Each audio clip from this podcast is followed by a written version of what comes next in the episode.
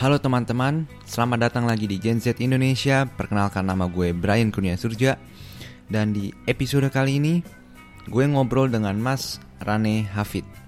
Mas Rane ini dulu sudah berpengalaman selama 20 tahun menjadi host radio di negara-negara berbeda termasuk Singapura dan juga Jepang.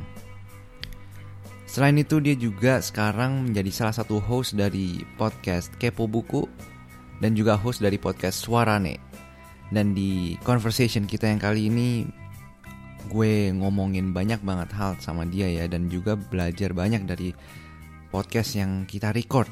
And gue yakin kalian semua pasti bisa mengambil sesuatu dari podcast ini. Jadi without further ado, please welcome Rane Hafid. 10 years ago, Brian Ortega was given a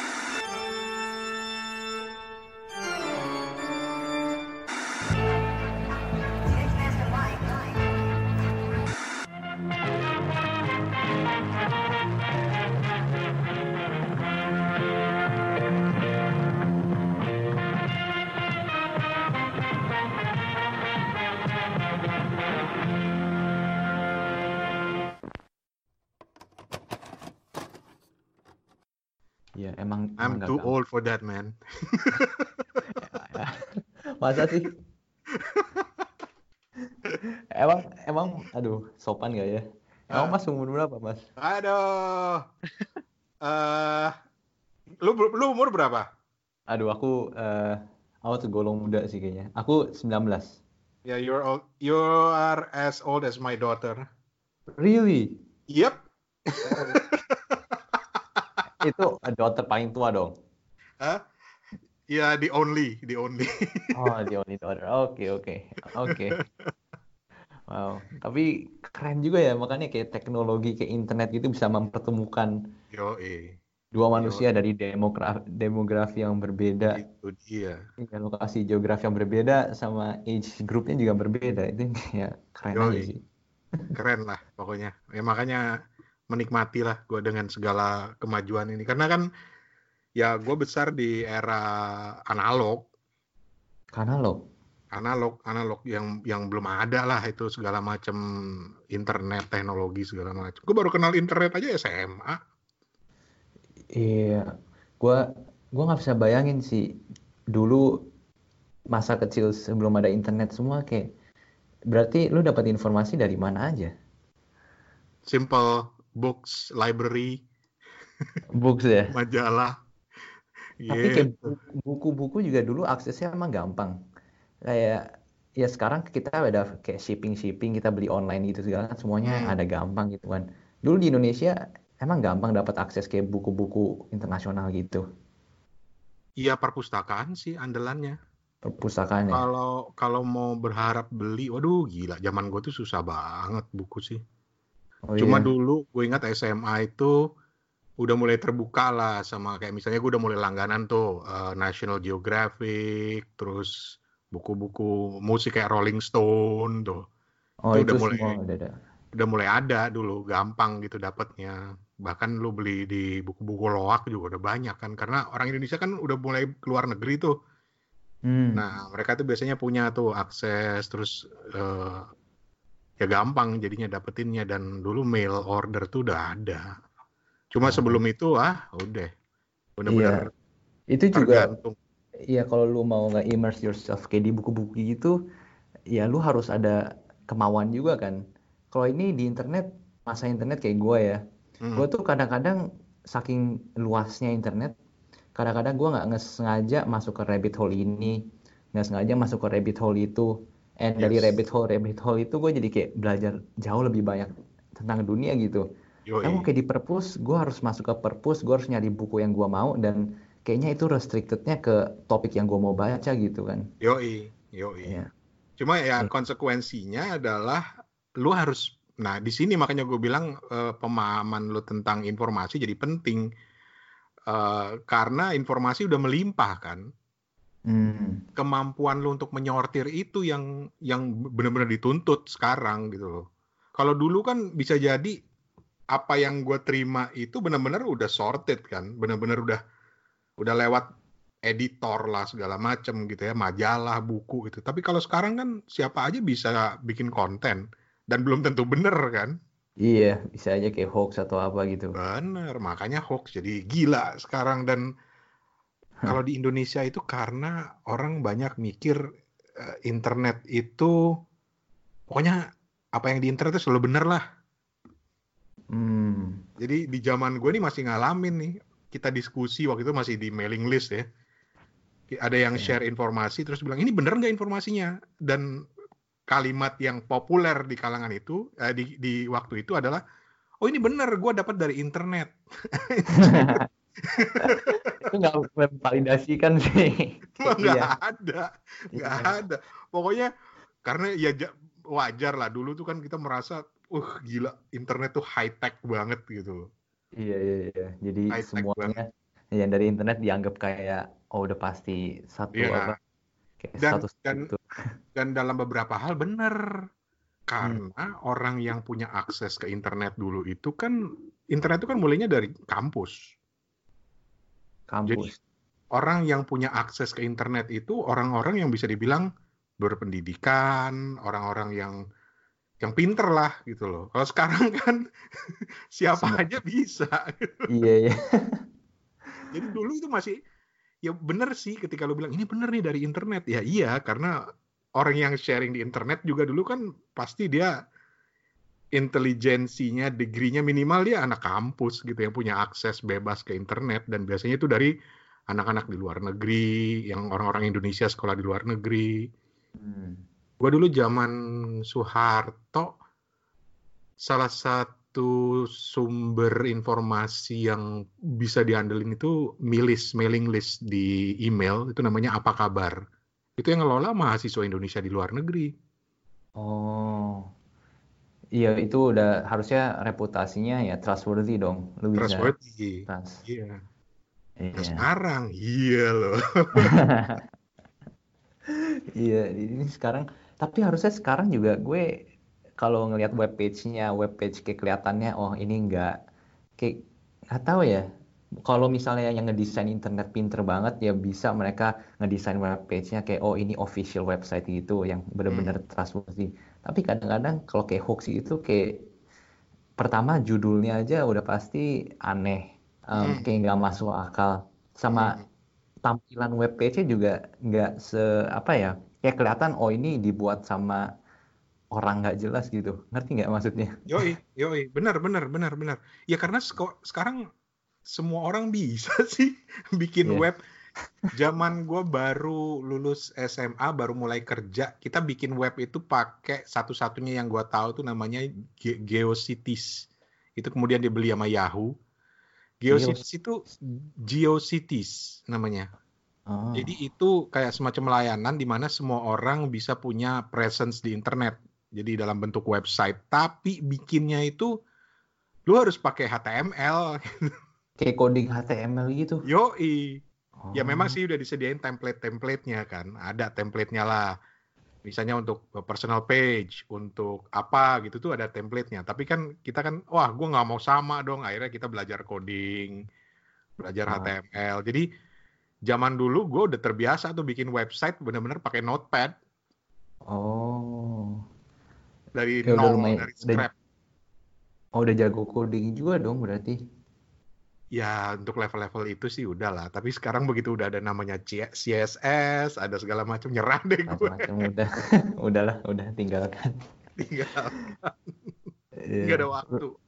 berarti lu mulai make kayak sosial media gitu kapan Sosial media, sosial media pertama gue itu gue masih ingat namanya pitas.com.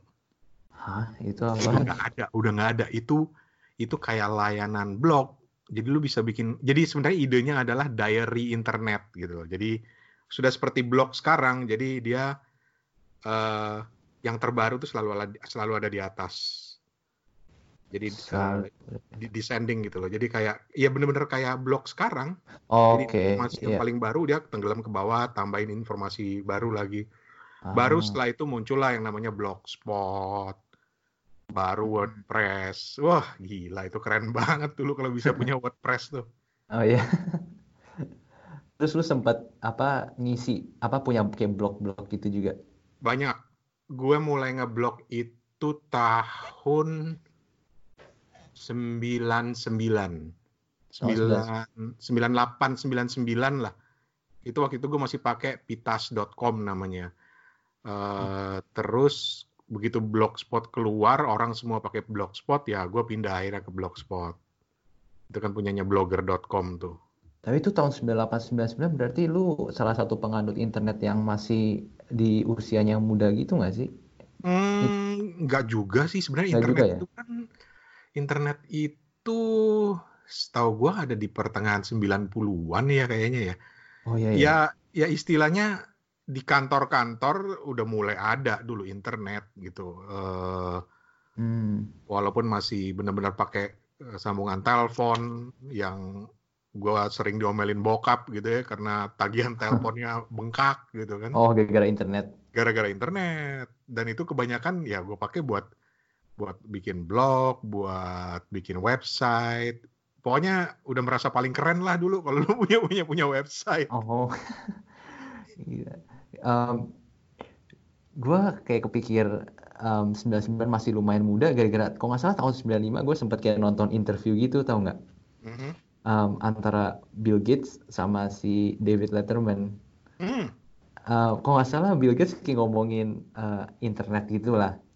Mm-hmm. Si David Letterman soalnya nanya gitu kan, internet sebenarnya apaan sih? Yep. Kayak ada apa? Lu mau ngedengerin broadcast sport, ya ada juga radio gitu, tau nggak? Mm-hmm. Um, tapi itu masih tahun itu udah tahun 95 gitu loh. Abis itu aku dengar lu um, tahun 99 udah ngebikin blog gitu segala sebenarnya itu although masih cuma 4 tahun doang bedanya you, you you don't consider yourself as kayak one of the apa front runners yang awal-awal gitu hmm. menganut internet well oke okay. uh, kenapa gue bilang waktu itu udah udah lumayan lama karena kalau inget-inget kan internet sendiri secara teknologi kan udah dari 80-an kan, 80-an awal. Cuma kan oh. belum wujudnya yes. itu benar-benar belum seperti yang uh, dimasuk eh, masuk di 90-an gitu ya. Uh, yang interface-nya udah udah keren. Dulu tuh kan benar-benar masih monokrom, terus masih pakai uh, apa sih istilahnya dulu kalau websitenya dulu tuh bulletin board gitu. Bulletin board. Bulletin board. Sementara ah. ketika sekarang ini uh, udah mulai muncul yang udah pakai graphic interface, seingat gue itu baru tahun pertengahan 90-an. Kayak Yahoo itu baru muncul tahun 95 kan. Hmm. Dan Yahoo itu dulu begitu muncul orang semua anjrit keren banget gitu loh. Karena oh, iya mereka lu bisa nyari data apa aja di situ. Kalau dulu kan kalau masih pakai bulletin board, gue gua nggak ngalamin ya, tapi ini gue dengar dari cerita-cerita teman-teman atau senior-senior gue ketika mereka mereka masih pakai sistem bulletin board itu ya interface-nya itu masih simple gitu loh. Belum belum pakai graphic interface, fotonya juga lu nge-download foto aja masih usaha banget gitu. Dan oh. itu pun kualitasnya masih jelek gitu. Jadi jadi masih jauh banget. Nah, gua masuk tuh ketika udah mulai era-era yang udah udah graphic interface. Walaupun mm-hmm. di SMP, SMA, gue udah mulai kenal uh, komputer yang masih pakai yang disebut sebagai uh, DOS, Disk Operating System. Jadi Disk komennya tuh lo harus lo ketik gitu. Oh. lo harus ketik terus pakai disket lo pokoknya bener-bener belum ada graphic interface-nya gitu loh oh jadi perkenalan gue sama yang graphic interface itu baru setelah Windows 95 keluar setelah Windows 95 hmm. lu 99 mulai ngeblok ngeblok tentang apa uh,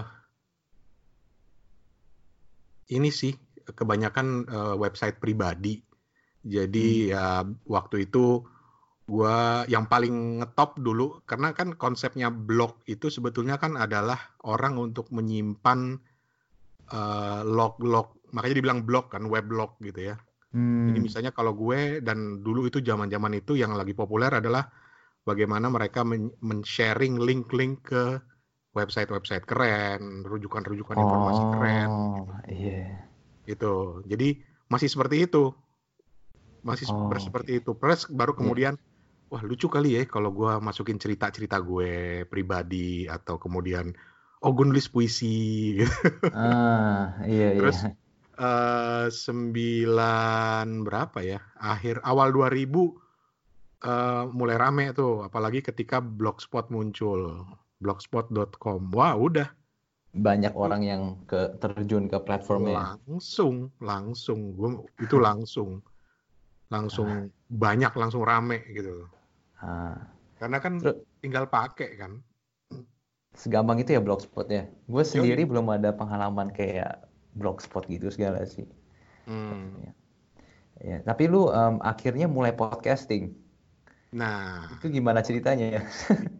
sebenarnya podcasting tuh gue tuh karena gue kerja di radio, Bre.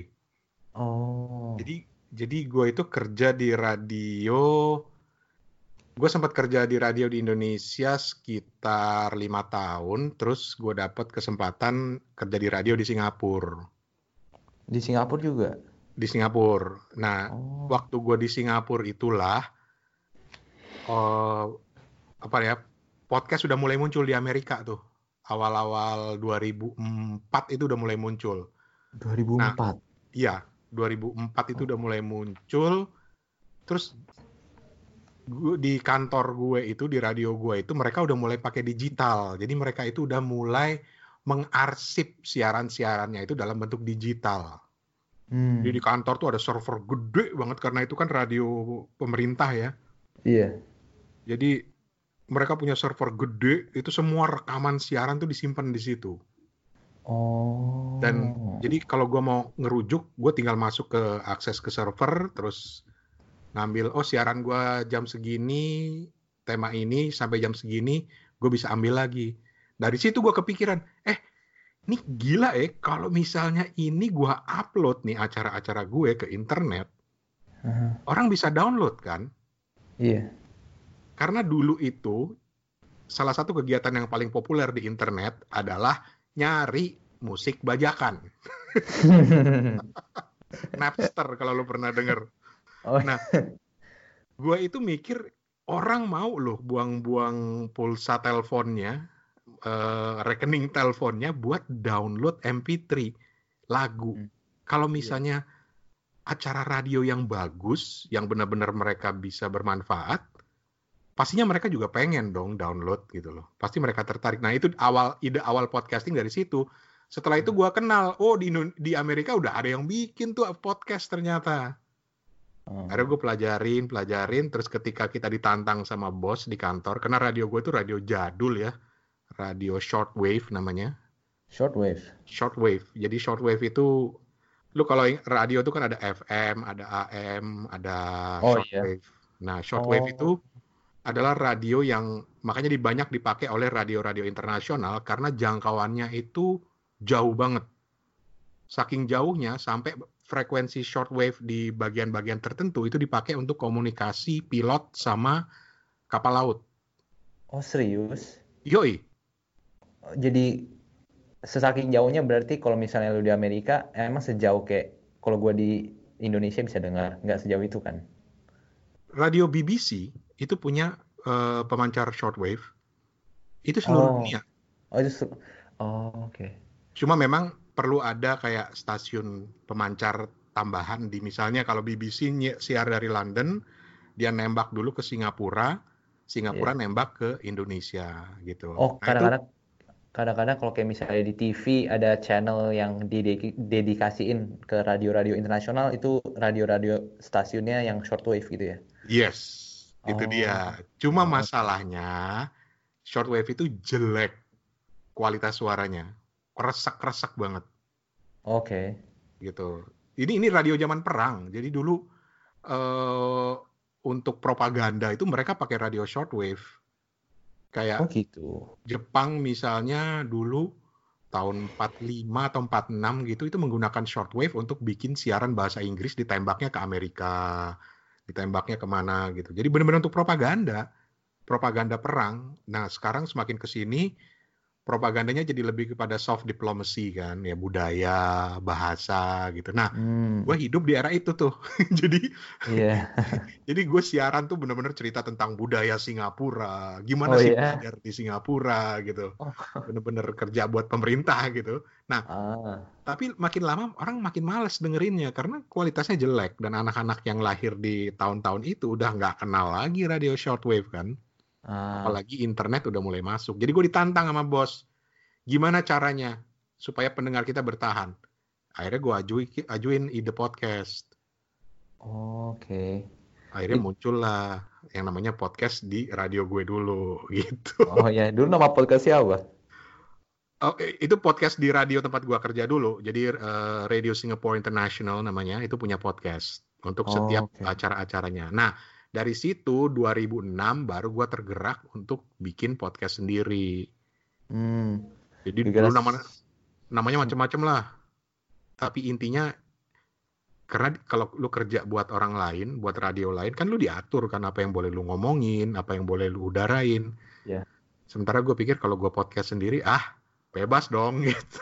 Iya, lu bisa nge-ekspresin opini lu apa pun yang lu mau gitu.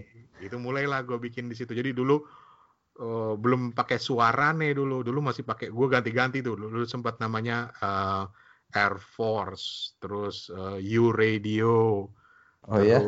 macam-macam lah.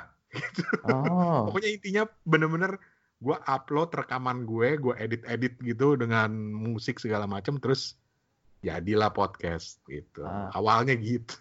Oh, kenapa Air Force namanya? Air Force biar keren aja sih dulu.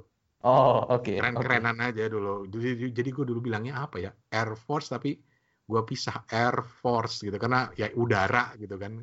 Ah, iya. Logonya juga kayak logo angkatan udara gitu, pakai sayap, ada sayapnya, ada Eh, wingnya. lebih menarik ini. Nora-noraan aja. Iya. Eh, Ngomong-ngomong, waktu itu man dulu awal-awal podcasting di Amerika siapa yang Aduh, mulai podcasting itu ya? siapa ya? Eh, eh, orangnya masih ada kok sekarang.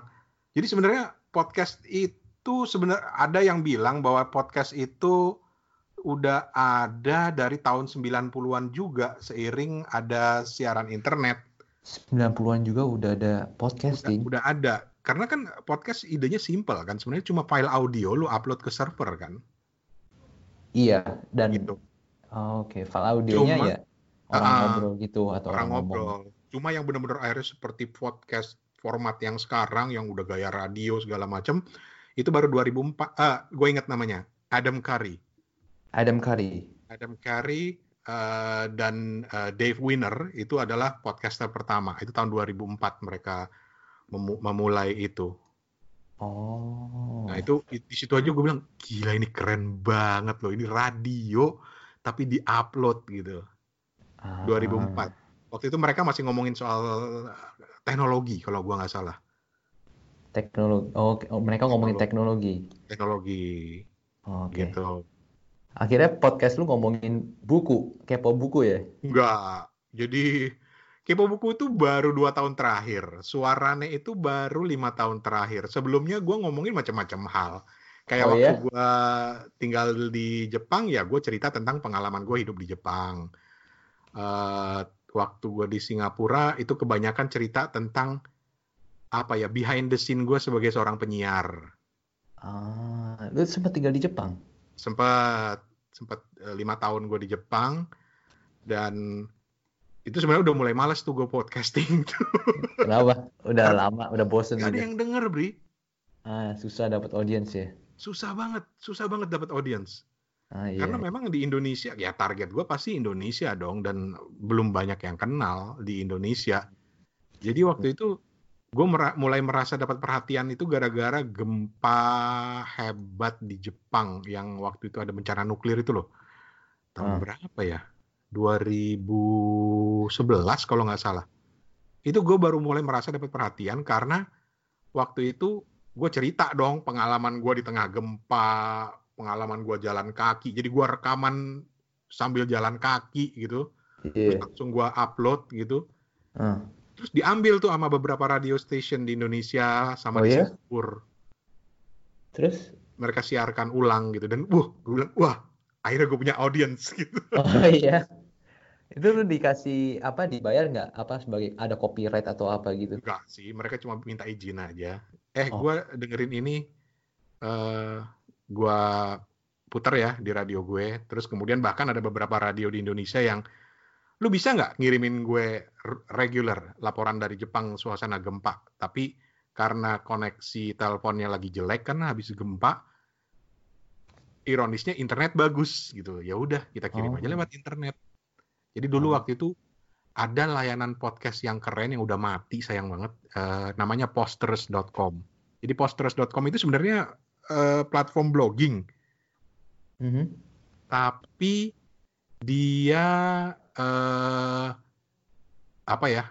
Lu bisa ngupload, bisa ngupdate-nya itu pakai email. Email. Email. Jadi lu tinggal kirim eh, subjek itu nanti jadi judul blognya, kontennya isinya itu ya jadi isinya, jadi kontennya.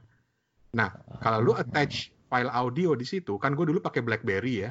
Iya.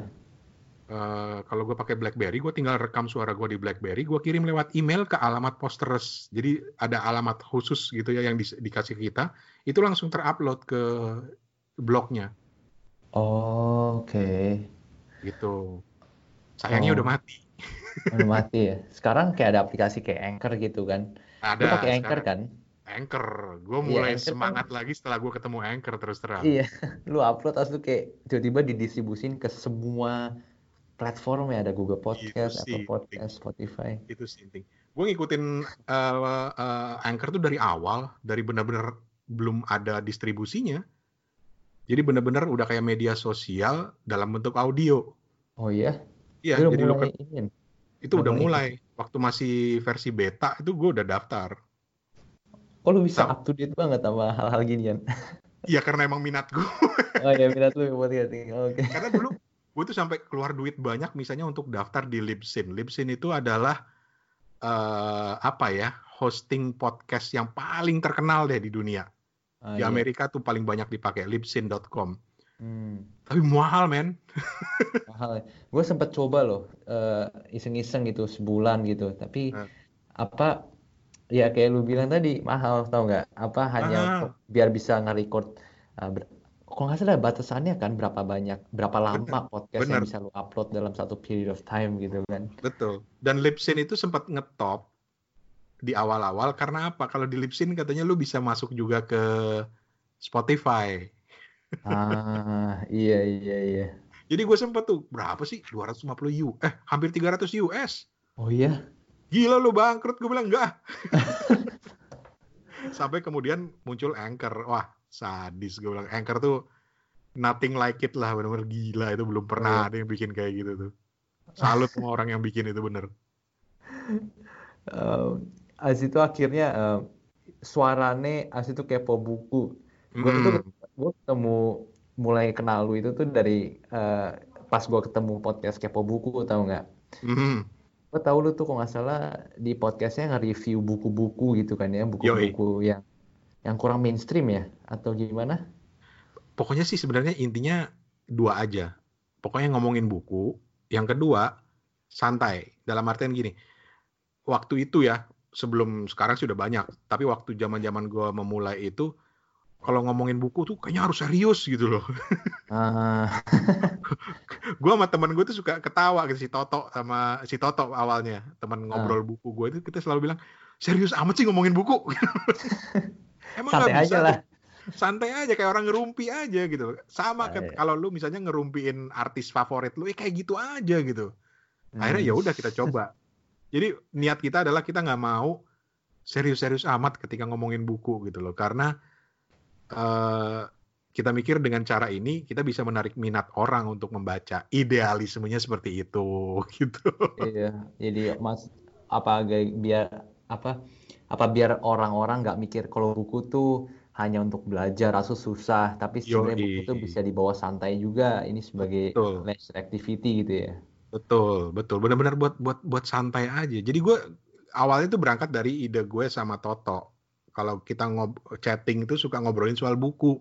Tapi benar-benar bercandaan gitu terus akhirnya oh iya ya kalau kita bikin podcast keren nih. Akhirnya jadilah. Wah sempat dulu mau bikin apa ya pokoknya yang namanya itu nggak boleh nggak boleh serius jadi kita sempat punya ide oh kita bikin nama book gedebuk Buku debuk.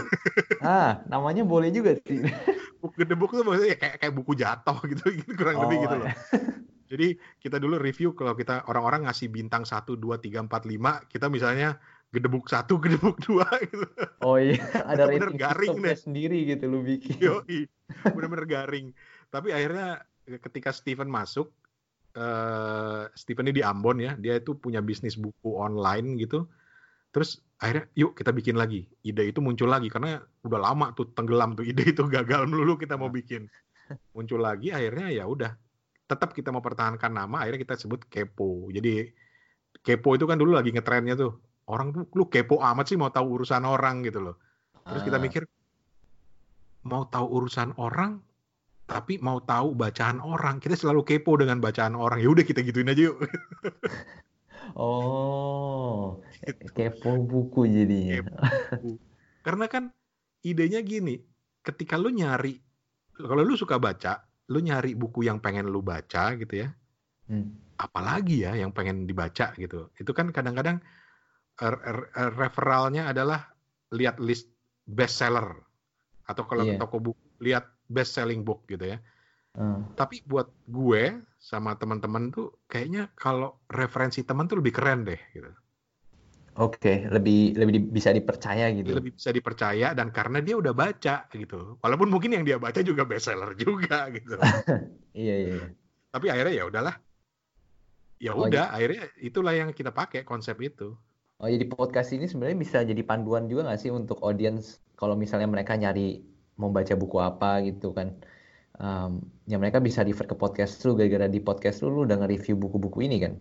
Ya, walaupun gua nggak akan rekomen untuk jadikan patokan bacaan-bacaan bagus. Oh, Nggak, maksud gue gini. eh, podcast Kepo Buku itu soalnya ngebahas buku apa aja. Apa aja? segala macam buku kita bahas gitu dan intinya adalah ya cuma membantu orang untuk nih kayak gini nih buku yang yang menarik gitu loh Ah, oke. yang yang apa ya jadi membantu orang untuk memahami sebuah eh, sebuah buku kadang-kadang buku yang ribet-ribet kita bahas dengan bercandaan gitu jadi bisa Hmm. membantu orang untuk oh iya ya ini bukunya seperti ini gitu Ah, iya. sih seperti itu awalnya Oke, oke. Kalau kayak misalnya eh, preferensi pribadinya lu, lu suka buku yang kayak gimana? Hmm. Gua tuh eh, pembaca segala buku sih. Pembaca segala buku. Dalam artian buku yang menarik buat gue itu ya gue baca. Jadi gua nggak mesti membatasi diri gue mau baca buku apa, buku apa gitu enggak gitu. Jadi selama itu menarik. Tapi ya pada umumnya gue suka buku-buku biografi, gue bu- suka buku-buku non fiksi, buku-buku teknologi, dan yang eh, favorit utama gue adalah buku eh, sastra. Sastra. Hmm. Itu kayak buku-buku literature, klasik, atau... Yes, ya apa Iya. aja. Karena gue besar dengan sastra. Oke. Jadi zaman-zaman dulu itu eh, perpustakaan sekolah gue satu-satunya tempat di mana gue bisa dapetin referensi buku itu adalah buku-buku sastra, buku-buku sastra klasik Indonesia gitu loh, dan beberapa buku-buku sastra klasik Barat. Oh, Jadi yang barat, ya, yang barat buku-buku apa? eh, buku-buku apa ya? Nggak nggak nggak level-levelnya Shakespeare nggak sih. Tapi buku-buku kayak misalnya Hans Christian Andersen, terus buku-bukunya misalnya Daniel Defoe. Jadi Oh, cerita-cerita oke. klasik-klasik gitu. Oke, oke. Walaupun nggak nggak nggak sampai ke yang yang kelas berat kayak buku-bukunya Shakespeare gitu nggak nggak. Oh, I wish I was exposed to Shakespeare karena sampai sekarang gue nggak berhasil baca. susah ya bacanya ya. Susah, Gua, gua nggak pernah baca sih, cuman pusing. doang. pusing. Bahasanya kadang-kadang aneh-aneh kan bahasa-bahasa Inggris yang zaman dulu gitu. Iya, itu dia. Nah, dulu tuh zaman gue itu hebatnya penerbit itu banyak menerbitkan buku-buku luar, buku-buku Oh, iya. klasik Oh. di Indonesia kan dengan bahasa yang simple. Kayak misalnya kisah Robin Oh. Robinson Crusoe itu dibuat dengan bahasa yang enak banget gitu dan penerjemahnya itu rata-rata orang-orang sastra sastrawan-sastrawan terkenal gitu. Oh, oke. Jadi jadi bisa lebih appreciate dan lebih appreciate lagi ketika dulu zaman gue ada komik semacam komik. Jadi istilahnya disebut sebagai buku bergambar. Jadi kisah-kisah klasik yang dibuatkan dalam bentuk komik. Hmm. Nah itu itu expose Ah. gue tuh mulai mulai di situ mulai muncul. Oke. Jadi lu kebuka ke semua tipe tipe buku. Gua eh, tadi gue sempet ngasih list of questions kan ke lu kan, Hmm, and hmm, you've hmm, gone through it. Um, mungkin gue penasaran, sebenarnya gini aja deh. Kalau misalnya ada orang nanya lu untuk rekomendasi buku misalnya, Mhm. Eh sorry ya bakal- ini latar belakangnya lagi ada azan nih deket belakang apartemen gue. oh iya santai-santai, itu nggak Ya. terlalu kedengeran juga sih. Jadi Oh nggak terlalu, oke sip. Oke, kalau misalnya ada orang eh, misalnya minta rekomendasi buku gitu, gara-gara Hmm. dia tahu kalau lu suka suka ngomongin buku gitu kan, and Hmm. lumayan suka baca buku juga, eh, lu ada rekomendasi nggak untuk mereka? Berat sih kalau gue harus ngerekomendasiin buku karena setiap orang kan beda-beda selera sih ya. Mungkin Ah, mungkin genre kali ya. Kalau genre Iya. mungkin iya. eh misalnya ya karena gue suka sastra tentu gue akan akan sharing genre sastra gitu. oke, Atau eh apa namanya eh, science fiction. Gue suka buku-buku science fiction. Ya gue akan rekomend buku-buku kayak misalnya eh aduh gue lupa nama pengarangnya. Contact. Gue lupa eh, salah seorang fisikawan gitu. Terus Hmm, juga bukunya Stephen Hawking itu menarik. Itu science Oh, iya. fiction. Terus juga biografi. Oh, gue suka banget buku-buku biografi. Biografi siapa in particular yang benar-benar nempel banget di hati lu? Hmm, yang paling baru misalnya ya Steve Jobs pastinya. Itu Steve gila Jobs, ya. itu itu biografi itu udah orang yang diceritakan itu keren gitu ya. Ya siapa sih nggak kenal Steve Jobs? Penulisnya Hmm. juga sadis gitu cara dia menceritakannya. Itu yang yang yang luar negeri. Kalau dalam negeri gue tuh suka biografi tokoh-tokoh sejarah ya kayak misalnya eh yang paling nempel atau top of mind gue sekarang yang bisa gue ingat adalah eh, biografinya eh, Mohtar Lubis misalnya.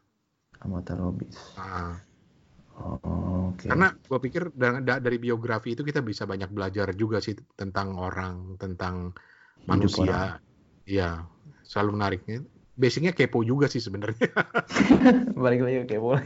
iya, karena manusia itu kan pada dasarnya kepo, like it or not. Manusia itu kepo, entah mau dari level-level mau ngepoin tetangganya, sampai mau ngepoin hidup artis, sampai mau ngepoin Iya. hidup orang terkenal kan. Ah iya it's iya. it's iya. something anu wajar gitu. Ah, itu kalau kayak biografi juga kita bisa belajar banyak banget dari ya perjalanan hidup mereka gitu kan. Mhm. Berasa apalagi kayak Steve Jobs yang mereka udah go through kegagalan berkali-kali gitu. Edan.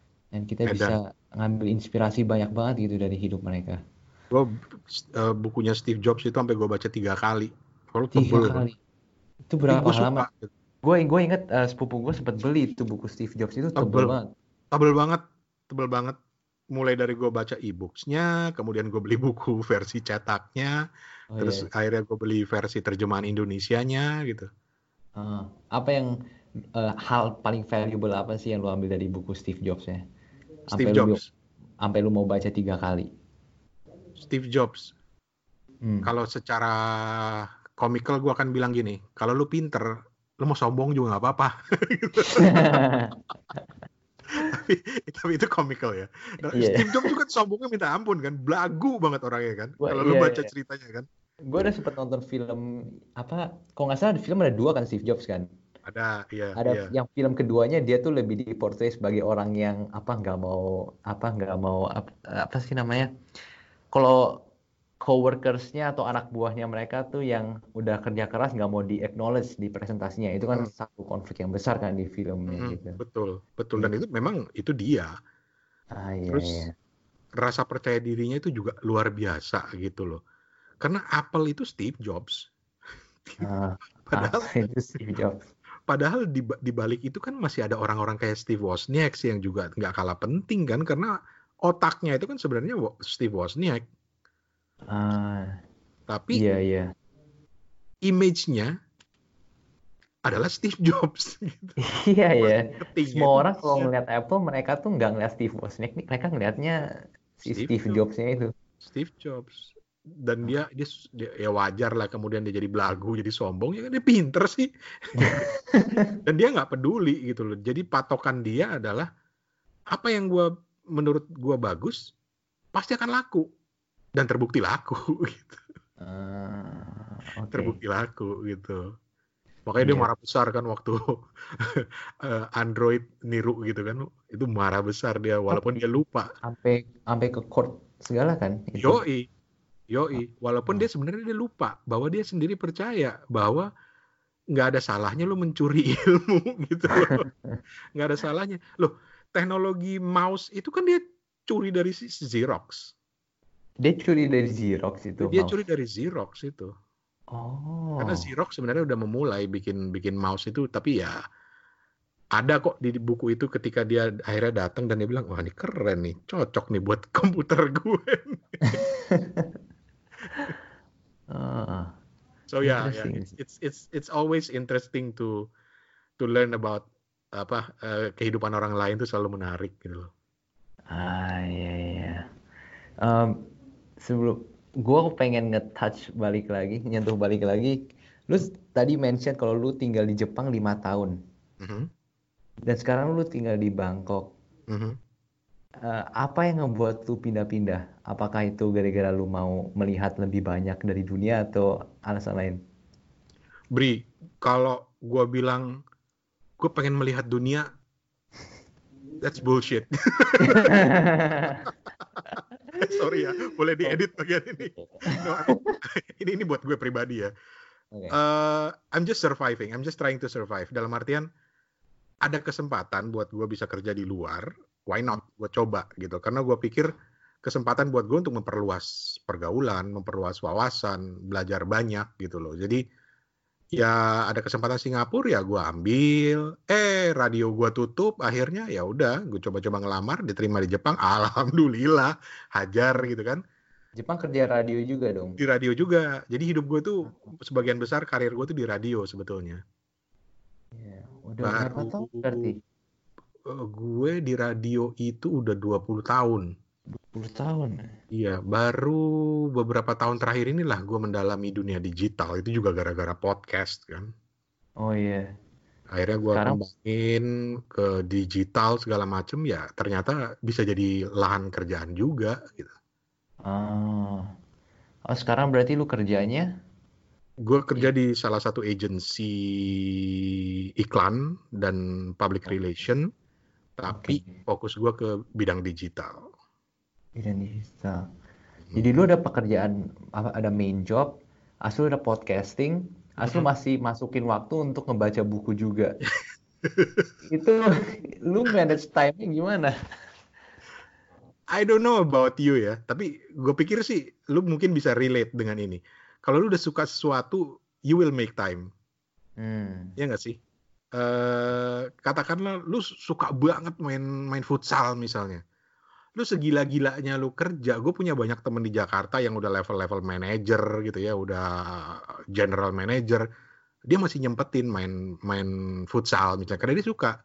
So Iya. buat gue ketika lu suka justru itu menjadi hobi gitu menjadi sesuatu yang yang membuat lu seneng ya udah lu akan dengan sukarela menghabiskan waktu lu Iya, lu ngabisin waktu mungkin orang lain lihat sebagai kerja, ya lu sebenarnya you're just having fun gitu ya. exactly exactly. So misalnya kayak kayak pot kayak baca ya. Gue selalu sediain waktu karena memang ya entah itu entah makan siang sebelum tidur atau di sela-sela kerjaan gue nyolong-nyolong. Sama dengan podcast gue tuh selalu mikir ide apa lagi ya gitu. Oh, Ah, ada ide ini dan itu gue jadi gue tuh punya kebiasaan untuk mencatat. Jadi gue punya catatan buku isinya Oke. ide gitu yang yang mungkin hanya 50% terwujud jadi podcast gitu tapi ya yang penting gue catat aja jadi pada saat gue lagi kering Hmm. ide gue bisa kembali lagi ke situ Lu biasa mikirin ide-ide gini pas lagi kerja gitu. lagi kerja lagi di kereta gitu Oh, keren, banget sih. Keren karena banget. buat I mean because I like it gitu loh. Lu lu Iya. ya balik ke logika lu suka bola tadi. Kalau lu suka bola, lu mungkin akan terus mikir tuh, wah ini gua nggak tahu ya. A- a- Gua gua bukan tipe orang yang suka bola, tapi mungkin lu akan di di back of your mind itu akan selalu ada gitu. Sama dengan Selalu ada. ketika gua podcasting, gua selalu mikir nih, ah, gua mau ngomongin apa lagi ya? iya. Hmm, Oh, ini ada ide catat gitu. Iya. Nanti di Iya, iya. weekend tuh baru gue lihat lagi catatan gue. Oh ini cakep nih. Ya udah itunya akhirnya gue kembangin gitu. Bahkan setelah gue kembangin kadang-kadang udah jadi skrip. Bahkan sampai udah gue rekam itu akhirnya gue nggak publish karena gue merasa nggak puas dan kalau gue pikir gue Hmm. nggak puas apalagi yang dengerin gitu loh Iya, Sampai- iya, iya. it's up to that degree gitu loh ke, ke kesukaan gue sama podcasting Kayak lu bener-bener make sure apa yang lu keluarkan itu with very high, pokoknya hi- highest quality yang lu bisa produce gitu ya. Um, yes or eh, yes and no. Jadi highest quality ya, pasti gue selalu aim untuk itu. Tapi juga eh, apa ya? Sebenarnya lebih ke konten. Apakah konten ini akan bisa bermanfaat buat orang lain? Hmm. Jadi ketika gue Oke. ngomong, gue tuh punya kecenderungan ngomong panjang lebar. Jadi ketika gue tuh sering banget bikin eh, skrip podcast gitu ya kalau gue lagi rajin. Iya. Biasanya gue kalau podcast itu pakai pointer saja, tapi kalau gue rajin, gue bikin full script. Itu bisa sampai berhalaman-halaman, gue pangkas tinggal sisa dua halaman, Oh ya. gitu. Karena gue suka berpanjang-panjang, tapi akhirnya gue pikir, ya orang yang nggak suka lah dengerin yang panjang-panjang, gitu. Why not? Eh, gue pendekin aja. Iya, kalau kayak misalnya mengeluarkan podcast gitu, kadang-kadang lu merasa eh, mungkin gara-gara gua benar-benar perf- perfeksionis ya namanya. Jadi Mm-hmm. Maybe. Iya, iya. Lu pernah pikiran gitu nggak? Iya sih. Atau kayak jadi lu merasa harusnya gua keluarin tapi kayaknya gara-gara perfeksionismenya gua jadi gua tuh nggak mau keluarin. Padahal mungkin harusnya gua keluarin. Lu pernah merasa gitu nggak? Iya, iya, sering Ya. banget, sering banget. Gue tuh memang kecenderungan memang perfeksionis. Tapi perfeksionis dalam artian bukan hanya dalam crafting, tapi juga perfeksionis dalam artian ya karena gue puluhan tahun di radio, gue diajarkan untuk kalau lu sendiri nggak suka dengan apa yang lu denger, apalagi orang lain gitu loh. Iya, iya. Jadi sering kali wah anjing ini gue ngerekam panjang-panjang nggak enak, nggak enak. Ya udah, ya udah gue matiin. Iya, iya, iya. Iya, atau iya. gue gua simpen suatu saat nanti gue keluarin lagi tapi gue edit edit lagi atau gue repackage lagi gitu Hmm. Oke, oke. Alright, interesting. basicnya sih hobi aja sih Bri Hobi aja. Oke, oke. Sekarang aku mau nanya tentang buku-buku yang asik udah bermain peran yang besar di hidupnya Mas Hmm. Rane ini. Atau tadi udah sempat di-mention yang biografi-biografi itu. Iya, eh, ya biografi eh, sastra fiksi itu terutama karena gue besar dengan itu. Jadi gue tuh pernah tinggal di sebuah daerah transmigran di Lampung yang akses ke buku tuh nggak ada. Tetapi bokap gue itu masih sering bolak-balik ke Jakarta atau ke kota terdekat gitu. Nah satu-satunya oleh-olehnya dia eh, blessing in disguise juga sih walaupun dulu gue selalu ngomel gitu loh. Setiap balik oleh-olehnya buku anak-anak Hmm. lain setiap balik oleh-olehnya mainan paling keren mobil-mobilan paling bagus. Sementara bokap gue prinsip gini mainan bisa dibikin. Hmm. jadi gue hidup dengan mainan bikinan dia gitu. Yang, Oh, yang gue malu sebenarnya kalau gue main sama anak-anak lain dia mereka pakai mainan apalah eh, mobil-mobilan paling keren gitu. Gue mobil-mobil kayu gitu. Aduh. gitu. Tapi ya ya itu gue besar dengan itu akhirnya ya gue ya gimana nggak ada pilihan lain akhirnya gue membaca membaca terus bokap tuh paling suka beliin gue cerita-cerita kayak Lima Sekawan, Enid Blyton, eh, Alfred Hitchcock. Tapi yang paling berkesan buat gue adalah satu buku karangan ini pengarang terkenal sih, gue nggak tahu masih ada nggak bukunya sekarang. Namanya Dr. Carl May. Jadi Dr. Carl May ini punya serial buku tentang cowboys and Indians. Cowboy sama Indians. Yes, jadi Oke. kehidupan di zaman western zaman dulu gitu. eh, Iya. tentang bagaimana seorang apa ya seorang cowboy punya hubungan yang erat bersaudara dengan Indian, seorang Indian Apache, suku Apache dan ceritalah tentang kehidupan India itu seperti apa, Indian itu seperti apa, budayanya seperti apa, persahabatan mereka sampai kemudian si tokoh ini eh, dalam buku-bukunya yang belakangan itu kemudian juga menyebar ke Timur Tengah, bertualang ke Timur Tengah gitu. Itu buat gue Hmm. berkesan banget. Dan itu eh, berkesan juga karena bokap ngajarin gue untuk mail order. Jadi dia baca di koran, terus nih dikasih duit, lu pesen sendiri. Oke. Itu tuh gila keren banget gitu. gue umur segitu pesan buku sendiri gitu dan buku bilang ini buku, buku Ah. orang gede nih gitu loh. Ah iya iya iya. Jadi jadi gue dipaksa untuk itu dan yang lebih menarik lagi adalah karena Dr. Karl May ini orang Jerman yang sama kali sama sekali tidak pernah pergi ke daerah-daerah yang ada di dalam novel dia. Jadi jadi dia ini menulis buku tentang apa? Mereka dia dapat informasi tentang tempat-tempat yang di karyanya dia itu tuh dari Purely out of imagination. really. Plus dia ya reference buku lah ya, reference buku dia orang Jerman. Oke. Jadi Oh. bener-bener dari dari imajinasi dia, dia bisa gue tuh sampai detail-detailnya itu bisa dapat gitu. Dia ceritanya tuh detail, misalnya kayak orang Indian American itu kalau kalau memanah itu apa, terus eh, tomahawk itu apa. Jadi eh, Indian tuh punya yang namanya apa istilahnya eh, kampak yang dilempar gitu kalau buat senjata itu itu Hmm, tomahawk. Tomahawk. Eh, orang apa cowboy itu kalau nembak eh, kalau lagi tidur dalam suasana perang cara nempatin senjatanya itu gimana supaya pada saat ada musuh dia bisa tembak gitu dalam posisi dia lagi tidur gitu tanpa harus ngokang lagi. I mean detail banget tapi ini orang nggak pernah sama sekali kak gitu loh. Oh, it's so interesting sih.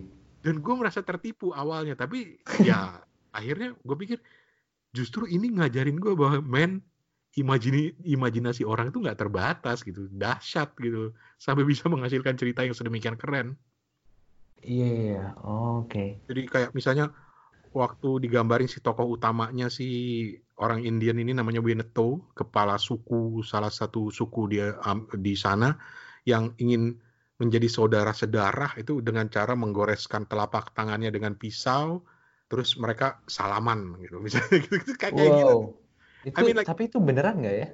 gue nggak ngerti sampai sekarang gue nggak ngerti Iya, Gua- tapi detail-detail gitu di flash out di bukunya. Iya, dan itu gue sampai yakin tuh gue percaya. Ah, ya, ada sih, gue pernah di Indonesia itu ada ada ada komunitas, pernah ada komunitas yang penggemar dia ini, pendengar dokter Karl, penggemar dokter Karl May ini, Oke. dan ya mereka bisa menceritakan semuanya itu keren loh nongkrong sama anak itu lebih gila lagi gue bilang bener-bener nerd, nerd abis Oh iya. Sampai ada fanbase di Indonesia. ada fanbase-nya ada ada Gila. Ada fanbase-nya. Bahkan kalau nggak salah sempat diterbitkan ulang buku itu dan mereka juga terlibat di situ. Dr. Carl May. Oke. Kalau lu cari Oke. deh. Eh, Iya. Waktu itu gue baca versi terjemahan Indonesia, terbitan Balai Pustaka dan terjemahannya itu keren banget gitu. Karena kalau dibandingin dengan buku-buku terjemahan sekarang ya minta maaf banyak yang ngaco gitu terjemahannya, tapi dulu itu yang nerjemahin itu benar-benar orang-orang sastra, orang-orang penulis, penerjemah profesional gitu. Jadi menarik gitu dengerinnya. Oh, judul bukunya apa? Dr. May itu penulisnya kan? Dr. Kalme itu penulisnya, bukunya itu ya satu seri, ada banyak, ada misalnya Oh. Winnetou, kisah Winnetou atau eh, Old Shatterhand, Oh iya iya iya. Oke. banyak, banyak. Lu ikutin. Jadi dia benar-benar petualangan dari jazirah Amerika sampai ke jazirah Timur Tengah gitu. Oh iya. Itu sadis sih. Gila keren sih. Jadi bokap lu ngedapetin lu buku-buku seperti ini dan ini nge-expose lu ke buku-buku dan dari sana lu mulai kebuka ke dunia buku-buku gitu ya. Iya, karena juga mungkin hikmahnya adalah karena ya itu gue tinggal di sebuah daerah terpencil, akses Hmm. informasinya nggak ada, koran aja selalu terlambat sehari datangnya gitu. Hmm. Eh, oh ya, kita dulu baca koran by the way. bukan internet, bukan det, bukan detik.com. Iya, iya. gitu. Gue Nah, itu gue iya. dan dan apa ya? eh karena keterbatasan itu justru membuat gue mau nggak mau satu-satunya hiburan ya selain gue main sepeda atau main sama temen di luar adalah membaca. Hmm. Jadi hiburan gue itu membaca. Membaca itu gue dengan membaca gue merasa gila. Gue nemu, gue bisa main ke Amerika, bisa main ke dataran Balkan, ke mana gitu, Iya. tanpa i- da- dari comfort di rumah gue, di ruang tidur gue gitu. Itu itu buat gue itu petualangan yang menyenangkan. Ya, itu satu hal yang keren banget ya dari ngebaca buku fiksi gitu ya. Lu lagi Hmm. di kamar lu, lu sendirian dengan buku, tapi dengan lu ngebaca buku itu, lu tuh kayak seakan-akan ditransport ke ke dunia yang lain, Yoi. di waktu yang lain. Kira semuanya itu terjadi di imajinasi lu semua tau Di imajinasi. Jadi itu jadi keuntungannya sih apa ya? Imajinasi kita dilatih gitu loh. Iya, iya. Terlatih Ke- dan ketika akhirnya gue mulai belajar nulis ya itu bermanfaat banget. Ah, iya, gue juga inget dulu pas gue sempat baca buku fiksi juga. Hmm. As itu dulu pas gue baca buku fiksi itu, gue tuh gue tuh menggambarkan apa yang terjadi di bukunya dan apa ya, itu tuh kayak imajinasinya tuh unik ke gue sendiri dan orang Hmm. lain tuh nggak bisa dapat akses ke itunya dan ada Yoi. sesuatu yang spesial gitu dari itu. Seakan-akan itu pengalaman pribadi lu, tau nggak? Yoi. Nggak semua Keren. orang bisa gitu. Iya, iya, iya, iya. Um, oh sorry, tadi lu ada bilang apa? Lu tadi mau ngomong sesuatu ya? Hmm, apa? Enggak ya? Hmm, enggak, enggak, enggak sih. Oh oke, alright, never mind. Um, kalau selain fiksi gitu, yang non fik, yang non fiction gitu, lu nggak terlalu ya selain biografi gitu, lu kurang suka baca atau kadang-kadang lu pegang juga? Eh, gue non fiction itu baru mulai kenal terus terang begitu gue duduk di SMA, di SMA plus kuliah, apalagi kuliah karena gue kuliahnya di eh, ilmu sosial ya mau nggak mau gue harus baca itu non fiction itu banyak, Eh, mulai dari buku teks sampai buku-buku biografi sampai ya buku-buku teknologi terutama karena gue punya minat di situ. Ya itu Hmm, di situ gue mulai mulai mulai membaca yang yang non fiction dan oke. eh, apa ya top of mind kalau gue harus inget yang dulu-dulu eh bukunya Guy Kawasaki misalnya itu gue suka baca termasuk baru juga sih itu Oke. atau apa ya hmm, ya tentang media sosial karena itu menjadi minat gue Ah ya. ya Ya itu mungkin pada ada terutama peran lebih ke besar. teknologi lah ya Oke, teknologi ya. Mhm. oh nih Oh, ada satu yang gue ingat eh, judulnya Ape Ape. eh Ape, eh, author, publisher, entrepreneur. Jadi ini sebuah buku yang ditulis oleh Guy Kawasaki tentang intinya how to publish a book. Itu salah satu yang yang gue suka banget. Terus juga apalagi ya, eh, baru ke sini-sini gue mulai belajar ngumpulin buku tentang tentang Google, terus tentang oh top of mind lagi, Post Truth, James Ball itu gue suka banget cerita tentang apa ya bagaimana sih hoax itu terbentuk gitu loh oh iya. hal-hal kayak gitu oh eh, satu lagi yang pernah gue bahas di kepo buku dan ini keren banget buat gue adalah ini buku dari tahun 70-an Bri judulnya How to Read a Book How to read a book. How to Read a Book ini di Amerika konon kabarnya ini menjadi pegangan di banyak fakultas-fakultas literature karena ini mengajari kita tentang gimana sih cara membaca sebuah buku, bagaimana mengapresiasi sebuah buku. Ini ditulis oleh eh, Mortimer Adler namanya. Hmm, oke. Jadi step-step membaca buku, bagaimana lo bisa appreciate lebih dari sekedar membaca gitu loh. Itu keren banget. Oh, ada ada ada ya buku yang men- menjelaskan Itu gimana dia. caranya. buku tentang cara membaca buku.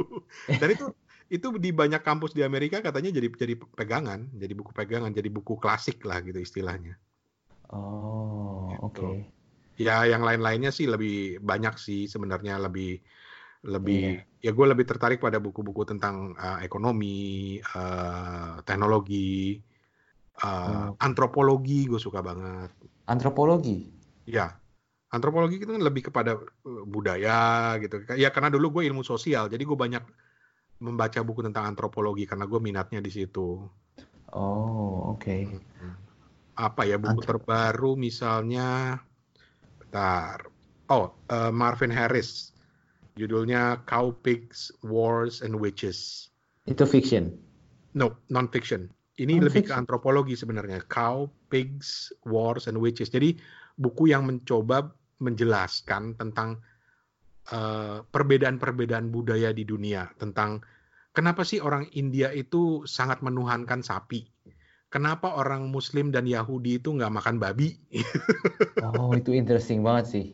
You have to read it. Gue justru dapat ini dari salah satu klub membaca di Instagram. Makanya gue suka Oh banget iya? nyari-nyari referensi itu gitu. Ah. Ini ini termasuk buku-buku klasik juga sih.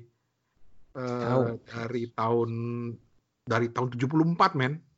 Dari tahun 1974 itu. 74 tapi kemudian di- diperbaharui terus gitu. Jadi judulnya Cows, Pigs, Wars and Witches: The Riddles of Culture.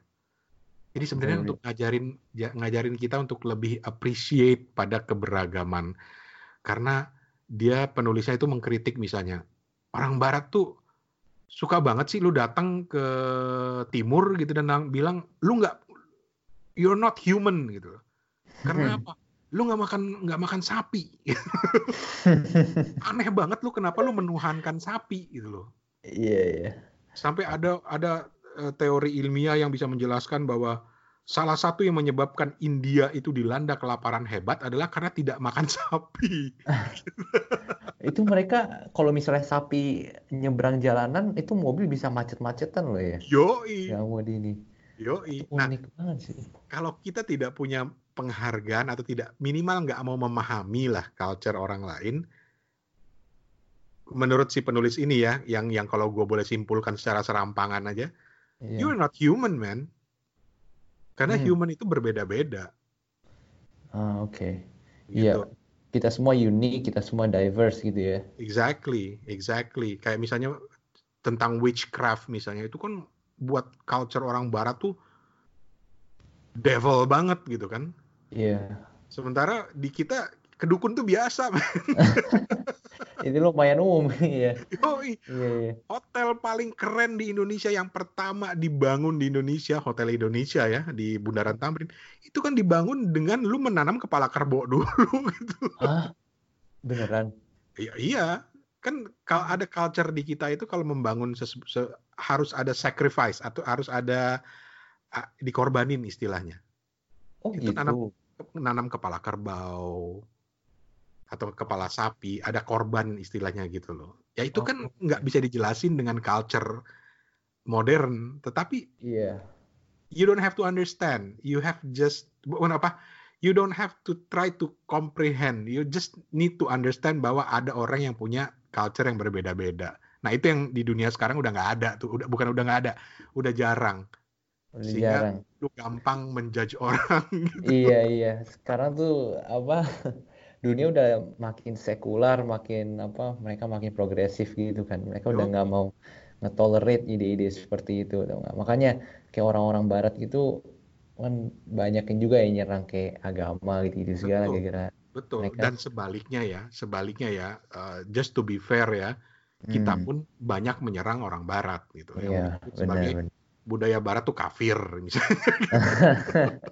Iya, iya kita, iya iya benar-benar. Ya karena memang sifat manusia seperti itu. Jadi selalu ingin superior kepada orang lain gitu loh. Ya kita mau, iya ya kita kita selalu apa ya ada bahasanya, tapi ya kita mau merasa kalau kita tuh lebih baik dari orang lain gitu. Yes. Itu itu satu apa ya satu satu insting atau satu ya I don't know Ya, satu emang- insting emang- kita aja. Udah udah naluri sih, naluri kita untuk Kita. untuk selalu nggak mau kalah sama orang lain gitu loh. Kalau di Singapura, budaya Singapura itu ada namanya kiasu. Oh iya itu itu juga sering dipakai juga kok di Iya kan? orang Indo ya kiasu. Kiasu loh gitu. Kepo itu juga dari da- dari bahasa kanton yang banyak dipakai di Singapura, kepo gitu. Kepo Why you say you so kepo? Oh gitu. Iya, Gila. Gue baru kepo itu tahu. bahasa Cantonese, Cantonese. Ah. Bahasa Cantonese, Cantonese kalau nggak salah sih. Pokoknya salah satu bahasa di daratan Cina lah. Oh, oke. Interesting. Iya. Em, oh, oh ya, by the way, Mas. Hmm. Kalau misalnya Mas bisa memberi advice ke Mas sendiri pas umur 19 tahun, what would it be? Aku tahu ini pertanyaannya agak nge-segue, tapi aku penasaran aja sih ya sama pertanyaan yang ini. That's a very scary question. Apa namanya? scary banget. Um, Scary banget. gini gini gua gua gua penjelasan gua gini karena eh gua itu punya prinsip gini eh kalau no regrets jadi gue itu jalanin hidup apa adanya Hmm. ya gue sekarang udah kepala empat menjelang kepala lima misalnya gitu ya dan kalau gue harus ngeliat ke belakang men gue nggak mau gue nggak mau jalan hidup gue berbeda dari yang udah gue jalanin sekarang karena keren banget gitu. Iya. dalam artian bahwa dengan susahnya dengan senangnya itu udah saling sambung menyambung saling connected kalau Steve Jobs bilang connecting the dots gitu ya Hmm. dan dan gue mikir nggak tahu apa yang akan terjadi kalau gue bisa kembali ke belakang mengubah arah hidup gue dengan menasehati diri gue sendiri di umur 19 tahun mungkin outputnya sekarang bakal beda gitu ya mungkin Oke. Iya. tapi tapi uh, to answer your question gue coba twist dikit lah Oke. jadi twistnya gini maksudnya jadi advice advice ini mungkin akan lebih gue berikan kepada teman-teman yang sekarang di usia 19 kayak lo kayak anak gue gitu Oke. Iya. so dan ada tiga hal Mhm. Eh, dengan segala risiko gue akan terdengar seperti bokap gue Oh ya. kan gue tuh selalu kalau gue nasihat lagi advice ke anak gue anak gue bilang lu you're so old man gitu Tapi it's your job as a father gak sih? Lu harus exactly Iya. exactly jadi ada tiga hal kalau gue harus menasihati yang pertama eh please jangan takut beda Jangan takut beda. Wow, that's a jangan advice. pernah takut berbeda karena apa Eh, kita itu hidup di dunia di mana sistem pendidikan kita membuat kita seragam Hmm. I don't know about you. I don't know where do you study. Tapi kalau gue lihat sekarang, kita itu dididik untuk seragam. Padahal buat gue, perbedaan itulah yang membuat eh, dunia ini lebih lebih keren gitu.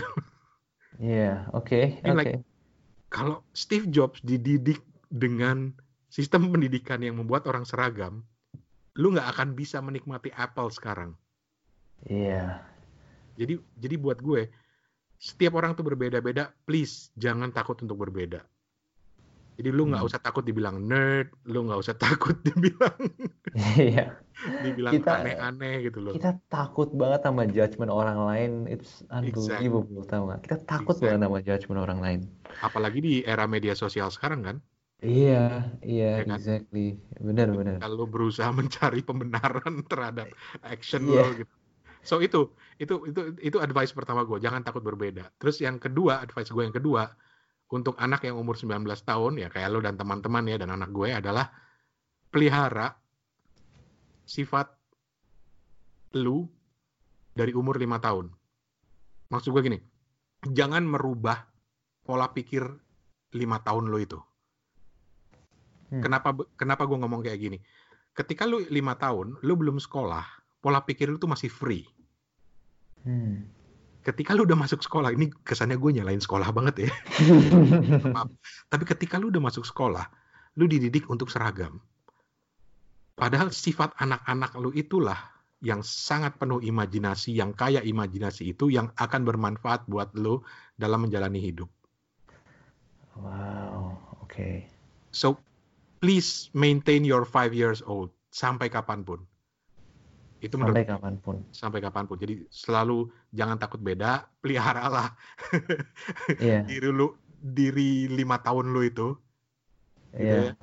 Dan yang terakhir ini iya. eh, yang terakhir yang menurut gue yang tidak kalah penting, please maintain your rebel attitude.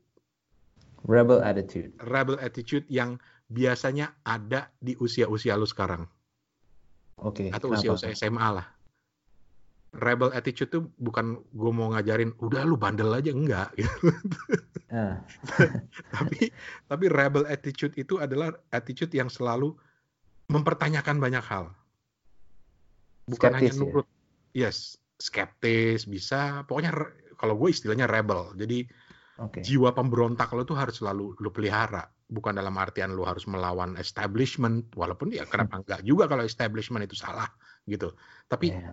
Selalu pelihara jiwa pemberontak dalam diri lo supaya lo eh, apa ya buat gue itu modal sih Modal. modal buat buat eh lu hidup di dunia yang sudah serba serba seperti sekarang ini gitu loh serba pragmatis eh di dunia yang yang udah diatur oleh algoritma gitu Yang diatur oleh algoritma. iya lu ngerasa nggak sih bahwa untuk urusan nyari jodoh pun lu diatur sama algoritma? Oh, gua ngerti. Iya. Apa Iya yang kita konsumsi juga dari YouTube segala juga semuanya algoritma juga. algoritma. Bahkan sampai Ah, para ahli-ahli coder atau ahli program itu berusaha untuk misalnya ini gue baru baca buku yang menarik soalnya. Eh coder itu bilang oh memberantas hoax gampang. Ada algoritmanya. Dan ironically orang yang pertama memperkenalkan jargon ini adalah Steve Jobs juga gitu Oh iya. ketika dia dia bilang oh there is an app for that Oke. dia selalu bilang there is an app for that padahal menurut gue eh, there is no apps for life There's no So app for So always question, always question everything. Oke. Skeptis, pertanyakan apa pun itu. gitu loh. Iya, iya, iya. Dan kalau gua harus balikin ke diri gua di usia 19 tahun, ya mungkin gue juga nggak ngejalanin itu ya. Walaupun gua beruntung, misalnya dalam perjalanan hidup gua, gue banyak ketemu orang yang memang rebel banget, yang memang nyeleneh banget. Berani berpikir beda. Gue punya guru biologi yang misalnya eh dia berani ngajarin sesuatu yang berbeda, memperkenalkan sesuatu yang berbeda. Gue pernah punya dosen yang bahkan ketika gue masuk kuliah, awal-awal kuliah dia udah bilang, lu bisa. eh, apa, begitu gue masuk kuliah, yang pertama dia bilang adalah, nih, setiap dari lo semuanya gue kasih nilai A. Hmm. It's up to you how to maintain. Anjing gue Oh. sebenarnya kan sama aja, cuma kan mindsetnya yang diputer kan. Bukan Iya. lu harus berusaha untuk menjangkau A, tapi gimana mempertahankan nilai A Iya, lo. lu udah dapet A, lu gua kasih A, cuman lu harus nge-maintain itu. Exactly. Ah, Jadi gue punya tuh guru-guru kayak gitu. Gue punya dosen psikologi dulu yang yang kalau kuliah ngajak nonton, Oh iya, neraktir banget. nonton. Atau gue punya dosen yang justru suka banget ngasih kuliah itu nggak di kelas gitu. So gue belajar, ya, ya mungkin gue beruntung bertemu orang-orang yang rebel yang kayak gini, yang nyeleneh kayak gini, yang selalu mempertahankan jiwa anak-anaknya gitu ya. yang unik, Dan- yang berbeda dari Yes, yang yang sistemnya berbeda. apa yang mereka apa yang sistemnya mau membuat kita atau bagaimana sistemnya mau membun- membentuk kita gitu ya. Betul. Dan dia selalu berani tampil beda. Nggak peduli, bodoh amat. Gue punya dosen gondrong setiap ngajar pakai eh, sendal jepit gitu. Iya. Dia nggak peduli, fisik ya. dia nggak peduli Dia orang ngomong apa ya. Dia nggak peduli. Dia nggak peduli. Walaupun ironisnya dosen itu eh, akhirnya ya karena dia dianggap berbeda dari sistem akhirnya dia ya dia nggak bertahan lama gitu. Oh. Tapi itu selalu menarik. Jadi buat gue ya itulah selalu rebel aja lah. Iya, iya. Mungkin karena gue dibesarkan seperti itu, makanya gue bisa memberi nasihat seperti itu ke orang-orang. Iya. Keren sih. Ini advice-nya nggak banyak. Gua gue nggak gue nggak gue jarang banget mendengar advice yang bertema escape the system gitu kayak just be different from the system pasti advice-nya kalau dari orang yang lebih tua gitu ke orang muda kayak belajar pokoknya yang, yang basic basic gitu kan tapi ini benar-benar unik sih jawabannya Ya, ya belajar ngapain gua kasih nasihat? iya I mean Setiap itu orang udah kan belajar. iya setiap orang belajar Setiap orang belajar. Oh, Ya makanya gua salah satu pernyataan Menteri Pendidikan sekarang yang gua salut adalah ketika dia bilang belajar tuh di mana aja gitu loh, nggak perlu titel gitu loh, Eh, nggak perlu titel, nggak perlu gelar, lu belajar di mana aja dan do- kalau kembali mengacu ke dosen gue yang dulu, dia selalu percaya bahwa eh, perguruan tinggi terutama ya kampus selain belajar ilmu, ilmu yang lebih terbes lebih penting yang diajarin di kampus adalah cara berpikir, pola berpikir, cara berpikir pola berpikir lo yang yang harus lebih lebih advance gitu loh. Jadi itu yang membedakan lo SD, SMP, SMA, kuliah gitu. Itu yang membedakan bahwa ketika lu udah di kuliah, lu itu udah level di mana lu harus berpikirnya itu udah udah lebih kepada logic lo, lebih kepada eh, lebih kepada pola berpikir lo. SMA Mhm. mungkin lo masih harus menghafal segala macem iya iya gitu. Gitu.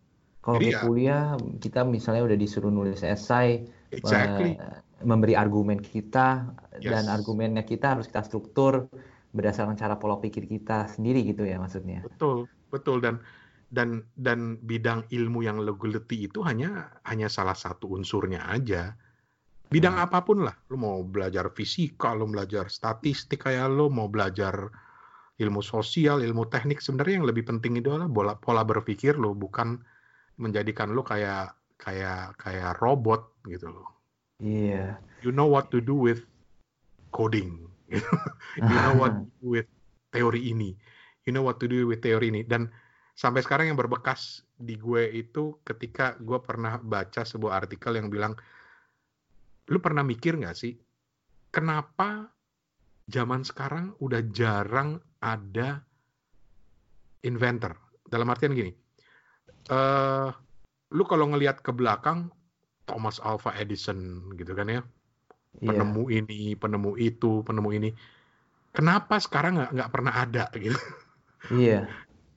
Orang berpikir, orang berpikir mungkin ya karena udah ditemuin semua. Tapi sebenarnya masih banyak hal yang belum ditemuin gitu. Nah, tapi kenapa ya? Karena dulu itu belum ada disiplin ilmu yang tegas yang membeda-bedakan antara oh ini ilmu fisika, ini ilmu ini, ini ilmu ini. Gitu. Oh. Leonardo Di oh Leonardo DiCaprio lagi. Leonardo da Vinci itu lu mau bilang apa sih? Filsuf, fisikawan, eh, sastrawan, nggak ada batasnya gitu. Hmm, hmm. Jadi itu hanya untuk menunjukkan bahwa yang terpenting ketika lu kuliah itu adalah your mindset, pola berpikir lu gitu. Oh my god, gue kayak orang tua banget. enggak tapi tapi enggak gue gue ingin dengerin ini ini kayak advice kayak ini gue benar-benar lagi mikir gitu di dalam hati kayak Eh, ini this is actually pretty deep tau nggak ini dalam juga tau nggak hmm, Eh, kenapa kita harus menjadi orang yang unik Eh, dan yang tadi lu mention Leonardo da, Da Vinci lu nggak bisa kategorikan dalam satu golongan gitu kan Oh dia iya, kayak iya. gabungan dari semuanya dan menurut gue orang-orang hebat juga seperti itu gitu seperti pas lu ngomong gitu gue jadi keinget samurai namanya Miyamoto Musashi tau Oh nggak? yes. Oh pernah dengar juga ya Hmm, hmm. dia kan bukan hanya swordsman Yap. tapi dia juga ahli eh, kaligrafi kalau nggak salah tahu gua Yes. seingat gua Dia dia seorang seniman. iya seniman juga kan Hmm. Iya dia ada ada ada campuran dari beberapa apa eh, domain-domain gitu loh di dalam hidupnya yang ngebuat dia tuh sebagai satu orang yang hebat banget gitu. Yes. Iya, sama tadi gue juga sempet eh, keinget sama quote-nya. Eh, lu lu ngikutin stand up comedy nggak? Yap. Dave Chappelle pernah dengar? Tahu dong. Iya ya, oke, just checking. The legendary Dave Chappelle. Oh man, he's the best. sih. Itu, Eh. menurut buat gue itu kayak my favorite comedian sih. Eh, eh. Dave Chappelle. Tapi gue sempet ingat dia ngomong uh, one of the worst things you can do is to label someone crazy because he's different atau she's different from the environment. Ingat gak quote yang itu? Yap, yap. Yeah. Oke. Dia bilang ya maybe maybe he's not crazy, maybe the environment is sick gitu kan. Dia bilang gitu. And pas lu ngasih advice yang tadi itu tiga hal itu gue keinget banget sama quote-nya Dave Chappelle kayak iya dan gue suka banget sama quote-nya itu because it's nggak tahu ya for me I personally find it very deep tau gak? ini kayak dalam juga tau gak? Hmm, It's- hmm, it's- hmm. dan itu bukan satu pesan yang algoritma atau mainstream media tuh suka eh, apa suka sebar-sebarin gitu. Itu lu denger dari orang-orang tertentu doang gitu loh. Yes. Ja- jarang lu denger pesan kayak begitu. Jadi, Yes. Ya, ya buat gue sih itulah manfaatnya membaca buat gue. Dalam artian please don't limit yourself uh, to to a certain uh, books or reference gitu. Yang biarin aja pikiran lu liar gitu loh mencoba Hmm. menikmati apa pun. Kalau lu nggak nikmatin ya udah. Gue banyak kok buku yang gue baca separuh atau seperempat udah gue tutup gitu karena nggak menarik. Tapi at least gue memulai gitu loh. Jadi iya. ya jangan dibatasi dan ah gue jadi inget nih ada satu kutipan bagus kalau ngomong soal nasihat buat 19 tahun. Ada satu ada ada satu jadi di Indonesia itu pernah ada hak bukan pernah ada masih ada. Hakim agung namanya Artijo Al Kotsar Pak Artijo ini dikenal sangat anti suap oke. Dia itu salah satu hakim idola banyak a- anak-anak muda yang mendalami hukum karena dia itu beda banget dan dia Hmm. udah banyak nangkepin eh, apa namanya eh, tersangka korupsi gitu. Nah, kenapa gue sebut nama Pak Artijo ini? Karena I'm just trying to make a point tentang satu hal yang gue anggap penting kalau lu berkaitan dengan bacaan, yaitu dalam salah satu wawancara Pak Artijo itu pernah ditanya buku apa yang lu rekomendasikan? Atau bukan buku sih apa yang lu ajarkan ke mahasiswa lo mahasiswa hukum karena dia juga dosen hukum ya sekarang udah pensiun. Dan di luar dugaan dia nggak merefer tentang oh buku hukum ini buku hukum ini enggak. Tapi dia justru menyebut buku sastra dan puisi. Hmm. karena menurut dia buku sastra dan eh, apa dunia hukum itu kan udah saklek ya. Ada aturannya ada bukunya ada teorinya gitu. Tapi Iya. kenapa sastra jadi penting? Karena sastra itu adalah mengasah apa ya istilahnya ya? Mengasah batin lo istilahnya gitu. Jadi eh eh bentar gue lagi mencoba mencari kata-kata yang tepat. Eh mengasah eh oh oke ini dia. Eh, mempertajam kepekaan batin kepekaan batin kepekaan batin. Kalau gua istilahnya itu melembutkan hati lo gitu. Karena sastra itu kan keindahan kan, iya tentang etik, tentang ke- keindahan dan dengan meng- mengimbangi hidup lo yang sudah penuh algoritma ini dengan buku-buku sastra, apalagi sastra-sastra klasik, buku-buku puisi yang dibuat dengan keindah untuk apa ya? eh apa di- dibuat untuk lo menikmati sebuah karya gitu, itu akan mengimbangi hidup lo yang sudah penuh dengan algoritma. iya Jadi Pak Artijo juga bilang eh, profesi hukum itu menyangkut keadilan. Hmm. Keadilan tuh urusan hati. Jadi selain lu belajar tentang segala macam law books yang tebal-tebal ini, lu juga harus baca buku sastra. Karena Hmm. justru dengan ketika lu punya kepekaan batin, lu bisa mempertajam rasa keadilan lu. Lu bisa tahu nih mana yang salah, mana yang benar. Karena kadang-kadang salah dan benar itu tidak ada di buku. oh Tidak ada di buku teks maksudnya. So that's why I really admire this guy. I mean like gila lu dia bisa mengutip nama sastrawan-sastrawan keren gitu misalnya. iya dia kedengaran seperti orang yang bijak banget sih Hmm, hmm, dari satu pesannya dia itu Iya. Wow. Ya levelnya Dave Chappelle lah. Gila lu suka Dave Chappelle, keren banget. Gue baru ke expose ke Dave Chappelle kalau nggak salah setahun yang lalu atau dua tahun yang lalu itu. Gue Hmm, itu gara-gara pas di Australia itu si Chris Rock mau dateng kan. Wah, Ah. anjir. Tapi gue akhirnya nggak nonton juga gara-gara mahal Hmm. tiketnya. Ah, tapi gue jadi penasaran sama stand up comedy. Jadi gue search aja tuh eh, komedian-komedian yang paling hebat gitu lah. Hmm, hmm. Di ranking satu tuh si Richard Pryor. Yap. As itu gue nonton Richard Pryor, kalau nggak salah spesial dia yang tahun 1979 deh kayaknya. Ada di Netflix juga sekarang. Itu gue itu itu pertama kali gue bener-bener nonton stand up comedy dan gue suka banget sama Richard Pryor gue. Itu kayak lucu banget. Gue apa jokes-jokes yang dia bikin tentang anjing. Dia tuh kayak nge-mimic anjing ngomong lagi gitu segala. Itu gue suka Hmm, itu hmm. aja kan. Dari Richard Pryor, gue sering denger eh, Chappelle Show, tapi gue nggak tahu Dave Chappelle siapa. Hmm, hmm.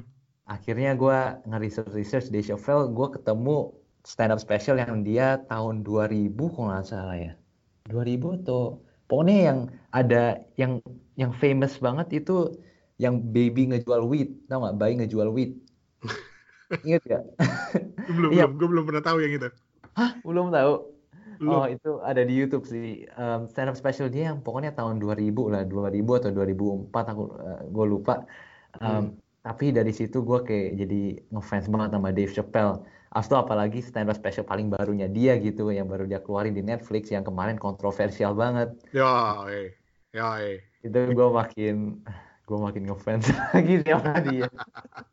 gue makin ngefans lagi sama dia. Kayak gue ngerti. Ya, yang penting enjoy lah. Hmm. Apalagi lu yang bidang lu itu walaupun sebenarnya bisa berdekatan dengan ilmu sosial tapi juga eksakta sih ya. Hmm, statistik. Iya, Hmm, ilmu sosial. Iya sih, I dekat think, ke ilmu sosial juga kan sebenarnya kan. hmm, I think so sih. I think so. Dekat dengan ilmu sosial maksudnya kayak gimana? Ya, ilmu statistik itu kan juga tentang kemasyarakatan kan, tentang Oh iya, ada itu juga, ada itu juga. yes, yes. bener. Gue nggak tahu ya bidang statistik yang lu dalami apa, tapi kalau dari konteks gue yang gue dulu belajar, and I really hate statistics itu itu ya gue belajar tentang itu. Mungkin karena background gue ilmu sosial, jadi statistik yang gue pelajari adalah tentang statistik ilmu sosial. Tapi kan di situ karena ilmu statistik di kampus gue dulu itu selalu dianggap, dianggap sebagai matematiknya orang sosial gitu. Statistik ya, iya. Oke, oke. Damn, gue bilang tentang probabilitas lah, apalah. Aduh. Sampai akhirnya saking bencinya, ya jangan diikutin ya, eh, karena tiap orang beda-beda. Tapi saking bencinya akhirnya ketika gue harus nulis eh, thesis gue, eh, skripsi gue, gue Iya. pakai ini, gue pakai pendekatan kualitatif. Kata kualitatif. Iya, karena dulu kan tren skripsi itu pakai pakai statistik kan. Iya. Kalau gue Oh. gue lebih ke kualitatif aja lah. Susah yang kuantitatif ya. Wah, I hate that man, I hate that. Mungkin karena karena gue tidak tidak tidak dilatih untuk itu atau mungkin gue kurang mendalami atau mungkin karena dari dari SMP gue udah benci matematika. Iya itu gue major statistik juga not necessarily gue enjoy statistik juga sih susah tuh nggak pelajaran jadi Yes, tapi tapi menarik kan dalam artian ketika lu, lu belajar sesuatu, buat gue gini, gue belajar dari teman gue almarhum orang Batak, gue inget banget tuh. hmm. Dia itu jago banget matematika sampai kalau ujian itu satu kelas nyontek ke dia. Oh ya saking pinternya gitu. Dan kalau guru matematika nggak datang dia yang di depan ngajarin. Tetapi gue menemukan satu fakta menarik bahwa ketika dia ngajar jadi dia gantiin guru matematik gitu ya. Iya. Ketika dia ngajar beda banget sama guru matematika gue. Justru dia yang diajarkan misalnya tentang teori gitu ya Ah, yang dia ajarkan itu bukan bukan tentang rumusnya tapi gimana lu bisa dapetin rumus itu. Oh men itu keren banget gitu loh. Oke. Itu keren banget. Jadi dengan mengetahui gimana lu bisa dapat rumus itu ketika lu disodorkan macam-macam persoalan dan lu harus pecahkan dengan rumus itu, lu bisa. Iya. G- Gara-gara lu tahu lu nggak usah susah-susah ngahafalin rumusnya gara-gara lu udah tahu Exactly. gimana cara dapat rumusnya. Exactly. Oh. Fisika, matematika, dia kalau udah ngajar gue bilang ya Allah, cuma kadang-kadang only the good die young. dia dia meninggal Oh, di iya. usia yang muda banget gitu loh. Tapi gila itu orang pintarnya minta ampun. Iya. Pintarnya minta ampun ju- justru karena dia menolak ya itu gue bilang tadi dia itu rebel dia menolak untuk hanya menghafal jadi dia tuh selalu orang-orang itu sibuk menghafal dia justru pergi ke perpustakaan British Council di Jalan Sudirman hanya untuk cari buku-buku matematika buat anak kuliahan Wow. untuk Dia- mencoba mempelajari ini gue penasaran nih ini teori dari mana sih rumus ini dari mana gitu Iya iya. Padahal Iya. murid-murid yang lain tuh nggak ada yang belajar kayak begitu ya. Dia sendiri Nggak. yang belajar kayak begitu. ngapal yang lain semua ngapal gitu kalau dia enggak karena dia bilang gue inget kata-kata dia yang paling gue ingat itu adalah dia bilang ini yang bikin teori ini juga manusia. Oh. bukan dewa Iya Jadi bener ya. jadi ketika lu udah tahu isi kepala orang yang bikin teori ini lu bisa ngerjain apa aja jadi dia suka sombong nah itu dia nih orang-orang orang pinter tuh emang sombong ya tapi boleh sih ya lu sombong ya. kalau pinter dia tuh bilang lu kasih gue soal apa aja gue bisa jawab wah anjing gue bilang keren banget dan dia bisa dan dia bisa gitu Wah, keren banget sih. Keren banget. Aku di podcast ini udah belajar banyak banget sih. Kalau aku looking back ya, Hmm. aku udah belajar banget dari podcast sih. Ah, maksudnya dari ngobrol sama Mas Rane ini loh, aku udah belajar banyak banget sama. Um, thank you banget sih Mas, udah sama-sama waktu Bri untuk maaf ngobrol di sini. cerewet Oh enggak, aku aku justru enggak serius. Aku di sini I graciously mendengarkan apa yang diomongkan sama Mas Rane sih. Gara-gara ya aku udah belajar banyak banget. I had a good time sih. I had a really good time di sini sama Mas. no worries no worries Iya, oke deh. sukses Uh, buat podcastnya